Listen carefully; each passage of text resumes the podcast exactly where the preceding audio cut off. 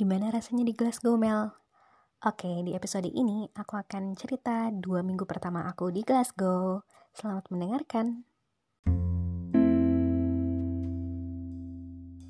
Assalamualaikum warahmatullahi wabarakatuh. Halo teman-teman, kali ini aku mau membahas lagi tentang cerita kehidupan. Dan lagi-lagi tema yang aku bahas adalah merantau. Tapi bedanya dengan cerita kehidupan yang sebelumnya, kalau aku sebelumnya membahas tentang perpisahan, kali ini aku membahas tentang menemui hal-hal yang baru atau yang asing dalam hidup kita. Sebenarnya, untuk melakukan hal-hal baru seorang diri, aku dari kecil kayak semacam apa ya, dari SD, itu aku sudah semacam punya pemahaman bahwa akan ada banyak kejadian dalam hidup itu yang kita alami sendiri gitu. Entah kenapa ya waktu SD itu aku udah mikir kayak gitu beneran. Itu aku mikir kayak gitu ketika aku uh, dikirim oleh sekolah untuk mengikuti lomba mewakili sekolah gitu. Dan itu aku sendirian. Aku itu kelas 5 SD karena terpilih jadi murid teladan, C. entah kenapa titelnya murid teladan gitu ya. Uh, entah waktu kelas 5 SD aku kan kepilih jadi murid teladan di sekolah. Nah, konsekuensinya adalah kalau ada lomba-lomba untuk mewakili sekolah, itu aku yang suka dikirim gitu. Dan pernah suatu ketika entah saat dua kali kalau nggak salah itu aku tiba-tiba didatengin guru aku untuk pergi lomba saat itu juga gitu. Kayak bener-bener tanpa persiapan apa pun bahkan kayak aku nggak tahu kalau hari itu ada lomba. Saat itu aku kan masuk siang sekolah aku tuh. Nah paginya itu aku kursus sempoa. Nah waktu di kursus sempoa itu tiba-tiba aku dijemput sama mbak aku atau siapa gitu. Katanya ada guru aku yang ke rumah. Aku bingung dong ngapain guru aku ke rumah akhirnya aku langsung pulang dan kata guru aku aku hari itu nggak usah masuk sekolah karena aku akan diantar ke tempat lomba. Itu aku kayak cuma ah lomba apaan pak? Ya udahlah itu akhirnya aku ikut beliau ke SD mana gitu. Itu untuk lomba mewakili sekolah. Lomba apa ya? Ya pokoknya kayak lomba kayak gitu-gitu deh lomba siswa berprestasi dan semacamnya gitu-gitu deh atau kayak lomba apa kayak lomba calistung atau apa gue aku lupa banget sih. Pokoknya lomba kayak gitulah dalam bidang akademis. Soalnya kalau dalam bidang olahraga atau kesenian kayak guru aku tahu itu aku sangat amat tidak berbakat. Nah udah sampai sana akhirnya ya udah tuh lomba-lomba aja. Menang nggak? Enggak karena ya nggak tahu deh apa namanya uh, kaget juga nggak ada persiapan apa pun. Tapi ya ya apa sih? Ya berarti ya aku memang tidak sepinter itu juga gitu kan. Tidak seajaib itu juga. Ya tapi intinya adalah uh, saat itu tuh aku kayak waktu aku tiba-tiba ya udah ikut lomba di SD mana yang aku bahkan belum pernah ke sana. Di sana kan ketemu peserta-peserta lain. Nah itu tuh aku juga waktu ketika udah selesai lomba ya udah aku ajak ngobrol aja orang ada di depan aku atau belakang aku aku lupa. Udah tuh kita ngobrol-ngobrol. Terus kayak di saat itu tuh aku ngerasa oh, kayak oh iya ya. Kayak aku harus siap kapan pun untuk mm, mengalami kejadian-kejadian itu sendiri gitu entah kenapa aku tuh kayak waktu SD mikir kayak gitu. Jadi uh, sebenarnya untuk hmm, melakukan kegiatan atau bepergian sendirian itu aku udah nggak terlalu apa ya nggak terlalu bukan hal yang gimana gitu menurut aku. Karena ya dari SD itu aku udah sadar bahwa emang ada banyak kejadian dalam hidup ini yang kita alami sendirian. Bahkan kayak aku tuh selalu mikir emangnya ada apa? Orang yang selalu ke mana-mana bersama-sama. Paling orang kembar siam ya nggak? Gitu kan. Aku tuh mikirnya dulu kayak gitu emang kayak udah ya udah pasti aku akan ada saat-saat di mana aku harus melakukan sesuatu sendirian. Tuh itu yang pertama. Jadi ya melakukan hal sendiri itu nggak asing. Dan dari lahir hingga mati pun kita sendirian kan. Kita lahir di perut ibu sendirian ya kecuali yang kembar gitu kan. Terus uh, bahkan nanti ketika mati pun kita juga akan sendirian. Gitu. Nah untuk menghadapi hal-hal yang sendirian itu yang itu bisa terjadi dalam situasi apa pun sesimpel kayak aku tiba-tiba disuruh untuk uh, lomba kayak gitu sendirian atau uh, ditugasin misalnya sudah kerja gitu kan tugas pergi dinas sendirian aku juga waktu dinas pergi dinas itu uh, zamannya aku tuh kan aku dari awal banget ya ketika staff di kantor juga masih belum terlalu banyak. Jadi aku emang pergi sendirian aja gitu. Aku waktu itu ke Kalimantan pertama kali ke Kalimantan sendirian. Dan aku nggak tahu kondisi di Kalimantan kayak gimana. Terus pakai segala ketinggalan pesawat. Terus naik travel uh, jamnya nggak match gitu lah akhirnya aku kayak sempat terlunta-lunta di kantor travel semalaman. Pernah juga uh, akhirnya aku sampai di hotel tuh jam 3 pagi itu sendirian dan aku nggak tahu kenapa tiba-tiba aku disambut sama resepsionisnya itu langsung ibu Amelia ya? Mungkin karena yang booking itu tinggal gue doang kali yang belum datang ya jam 3 pagi baru datang akhirnya ya udah aku tinggal di hotel itu sendirian dan itu entah kenapa hotel bagus tapi sepi banget dan untungnya saat itu aku nggak kepikiran horor sama sekali gitu tuh aku beneran sendirian pokoknya banyak banget nih kejadian yang di mana aku ya ya sendirian aja gitu jadi kayak sudah terlalu lama sendiri sudah terlalu lama aku asik sendiri. Kayak gitulah. Nah, untuk meng apa ya? Untuk menghadapi kejadian-kejadian di mana kita harus sendiri itu, aku sih uh, semacam untuk mempersiap jadi terbiasa untuk mempersiapkan diri mempersiapkan diri uh, untuk sendirian untuk bisa sendirian kapan pun jadi menurut aku persiapan diri itu perlu dilakukan sebaik mungkin kayak waktu aku mau uh, solo traveling dari Thailand ke Malaysia itu sepulang aku dari cultural exchange waktu kuliah itu aku kan memutuskan untuk solo traveling karena aku saat itu juga belum kenal sama teman-teman aku yang dari Indonesia juga kan. Kayak aku juga nggak enak untuk ngajak mereka ngebolang setelah kegiatan. Karena aku nggak bisa menjamin keselamatan ataupun kenyamanan mereka. Jadi lebih baik ya udah resiko-resiko itu biar aku tanggung sendirian.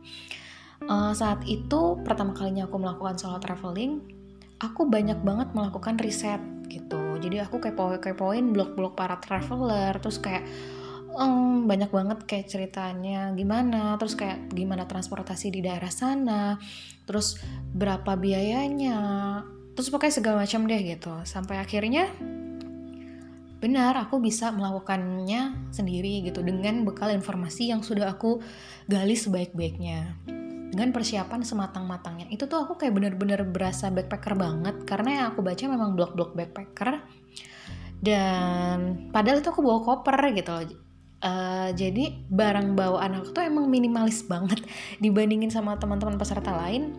Aku tuh kayak yang paling ringan, kopernya paling kecil. Ya enggak sih koper aku emang koper sedang gitu kan dari dulu punyanya. Terus uh, barang-barangnya tuh aku tata sedemikian rupa sampai itu tuh masih kosong, masih melompong banget di koper aku. Aku kayak super irit, super irit tempat gitu kan. Nah, ketika melakukan perjalanan sendiri itu juga uh, ya udah kayak aku ala-ala backpacker banget walaupun aku geret-geret koper. Nah, di situ tapi selain mempersiapkan diri sebaik mungkin, yang perlu juga uh, dimiliki adalah siap untuk menghadapi kemungkinan apa pun. Jadi saat itu aku kayak udah bikin itinerary untuk uh, dari rencana itu dari Phuket ke Kuala Lumpur aku kan naik bus dan itu transit di Hatiai. Jadi ganti bus tuh di Hatiai. Itu tuh daerah perbatasan gitu deh, perbatasan Thailand sama Malaysia. Nah, kalau dari informasi dari oh ya kan aku juga selain nyari informasi ada bis apa, terus aku juga nyari uh, berapa lama itu perjalanannya, biayanya berapa, naiknya dari mana, gimana gitu-gitu kan itu tuh aku sudah mempersiapkan bahwa ketika aku sampai Hatiai, aku nggak butuh waktu lama untuk langsung naik bus ke Kuala Lumpur. Tapi begitu sampai sana, ternyata semua bis yang ke Kuala Lumpur hari itu sudah penuh. Jadwal terdekat adalah besok harinya, besok paginya, dan itu aku sama sekali nggak prepare untuk itu.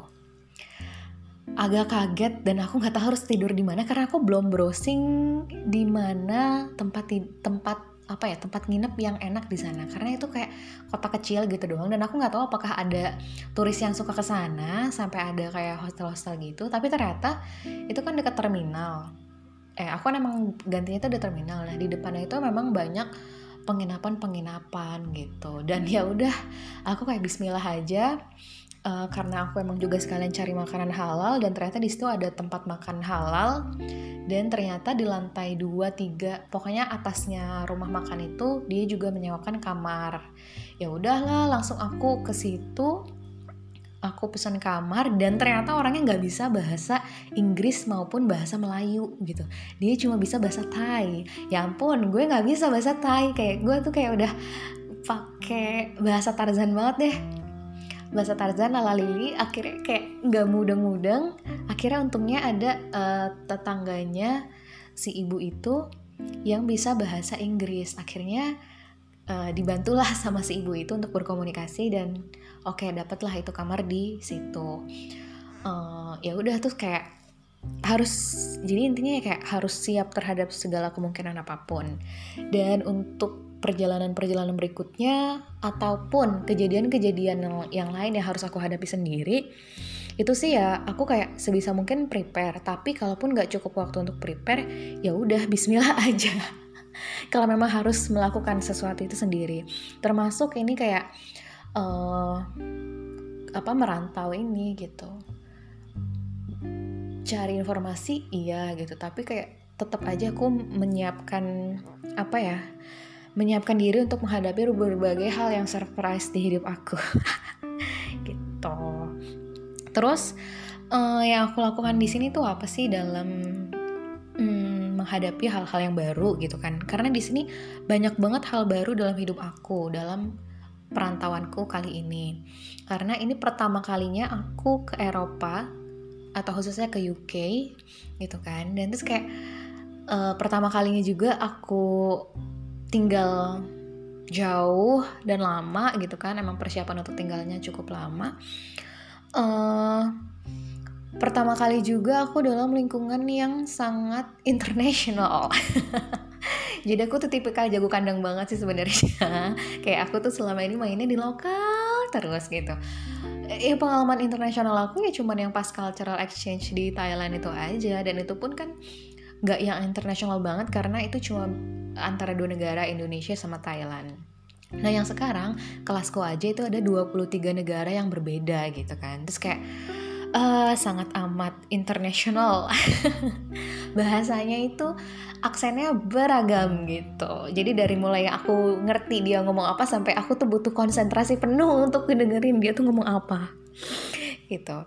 Dan bisa dibilang aku bukan gimana ya kalau aku compare diri aku sama teman-teman aku yang lain yang ada di sini termasuk teman aku dari Indonesia juga gitu yang satu program sama aku ya bisa dibilang aku yang termasuk agak lambat sih dalam beradaptasi gitu. Karena aku tipenya tuh tipe tipikal orang yang kalau masuk ke situasi baru itu aku cenderung untuk mengamati dulu lalu aku berpikir dulu memilah-milah kira-kira aku harus bagaimana gitu.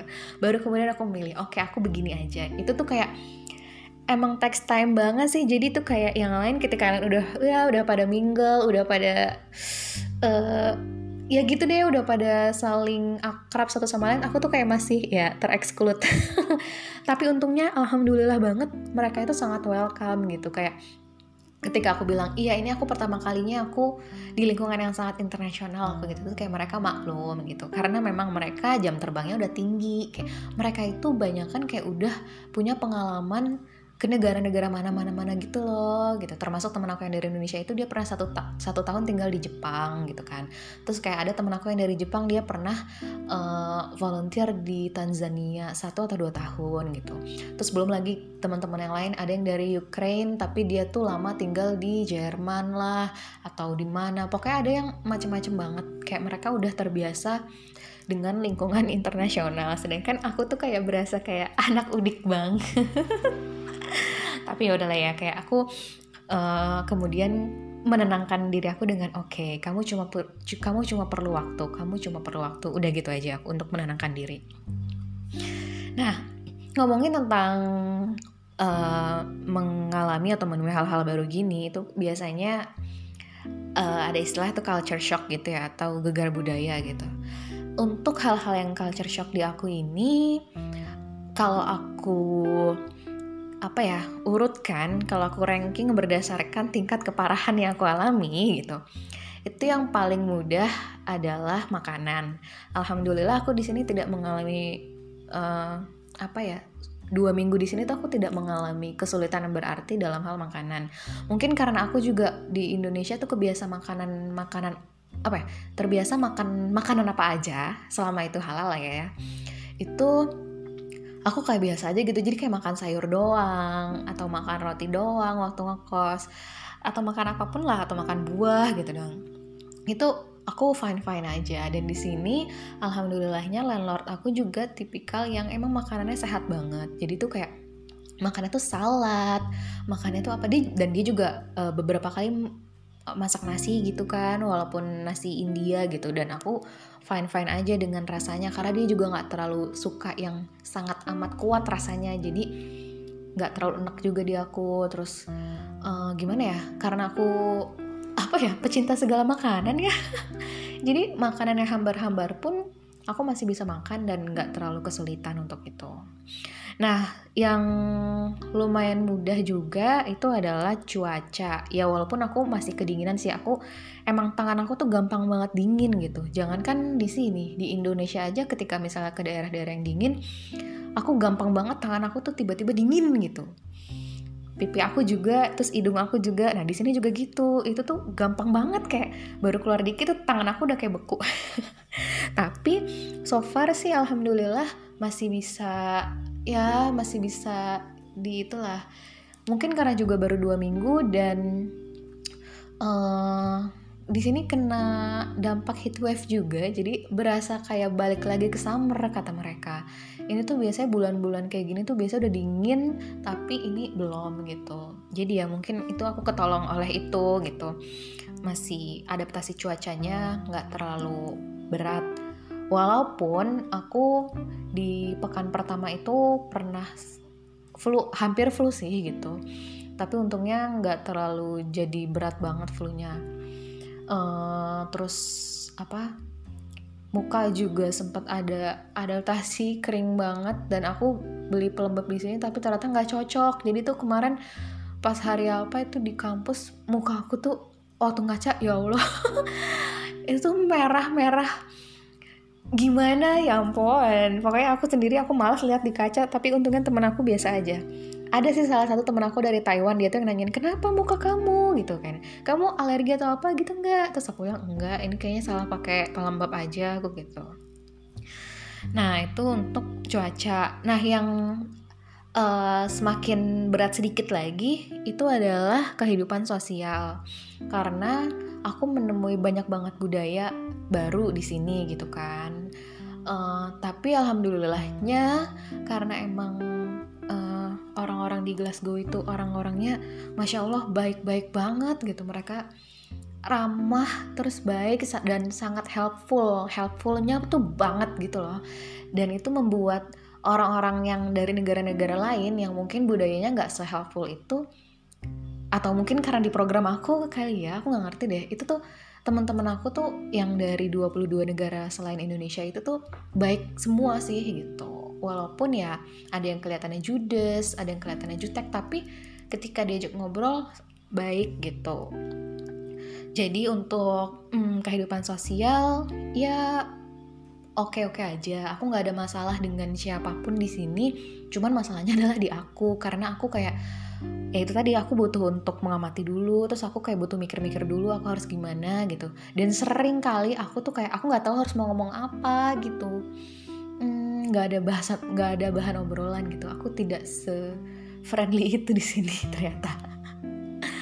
Gitu. Karena gimana ya setiap kali mau nanya gitu aku tuh kayak selalu mikir eh kalau nanya kayak gini tuh di sini sopan gak ya? Gitu. Atau dalam budaya dia tuh itu hal yang wajar untuk ditanyain gak ya? Gitu. Apa aku terlalu kepo atau apa? Jadi kayak kebanyakan mikirnya jadi ujung-ujungnya akunya yang kurang kurang ramah justru. Misalnya kayak kurang sering memulai obrolan duluan gitu. Aku cuma cenderung untuk menanggapi obrolan orang.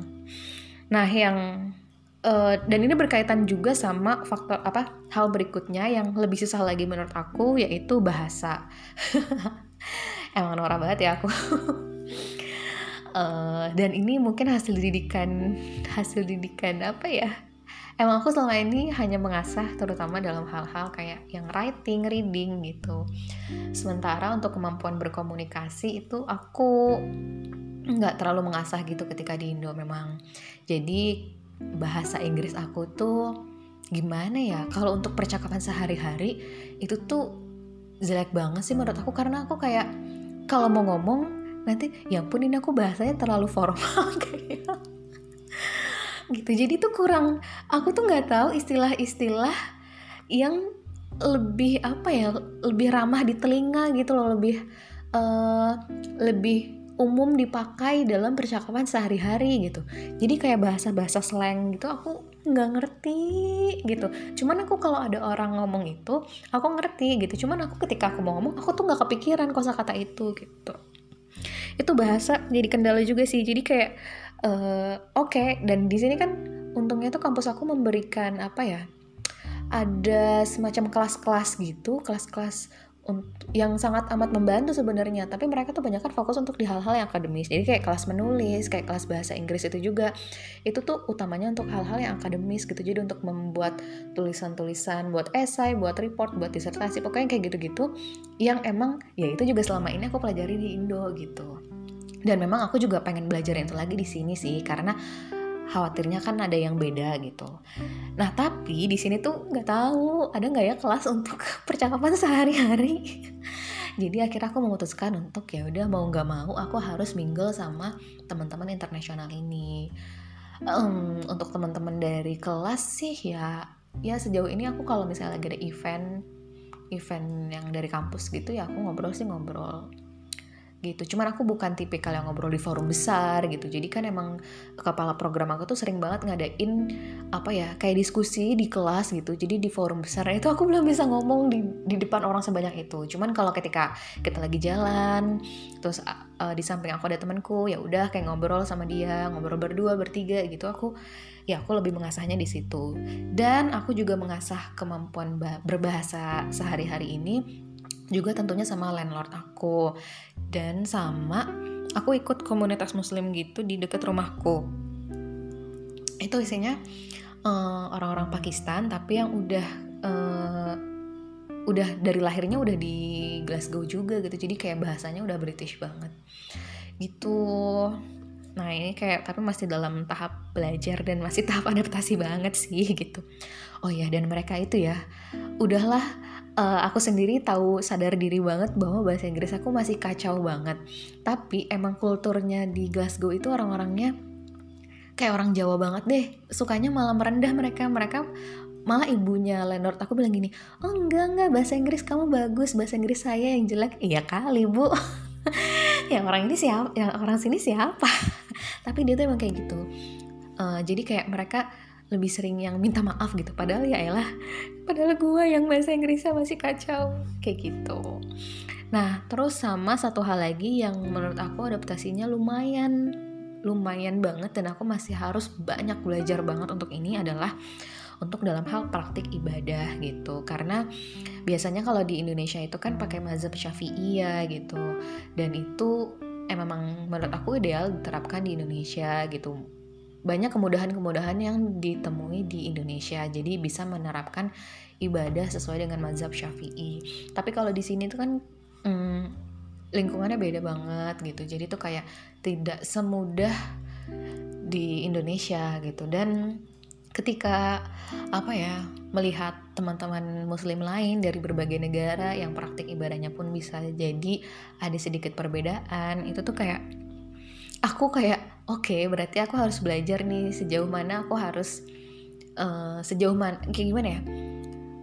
Uh, aku harus belajar praktik-praktik ibadah juga dari mazhab-mazhab yang lain gitu. Karena bisa jadi yang mereka lakukan itu kan walaupun berbeda tapi bukan berarti salah gitu. Karena mereka juga ada dasarnya gitu. Dan dasarnya juga dari uh, salah satu dari empat imam yang memang diakui gitu. Jadi itu kayak uh, biar apa ya biar aku juga bisa tetap optimal beribadah tanpa harus memaksakan diri, menyulitkan diri sendiri karena memang di sini kondisinya nggak kayak di Indonesia gitu sih dan itu yang aku harus banyak belajar.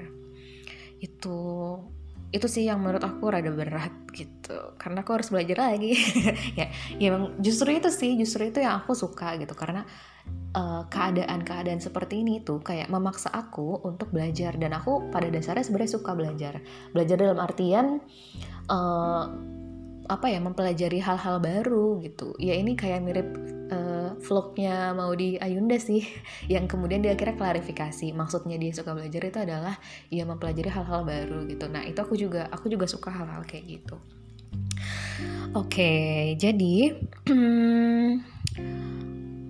dengan semua proses adaptasi ini, aku menganggap itu semua sebagai proses uh, buat aku untuk menjadi dewasa juga gitu. Karena bagi aku dewasa adalah ketika kita bisa mengambil keputusan atau berperilaku dengan bijak yang maksudnya itu adalah sesuai kadarnya dan sesuai dengan situasi dan kondisinya dengan tetap berpegang pada nilai-nilai kebenaran gitu.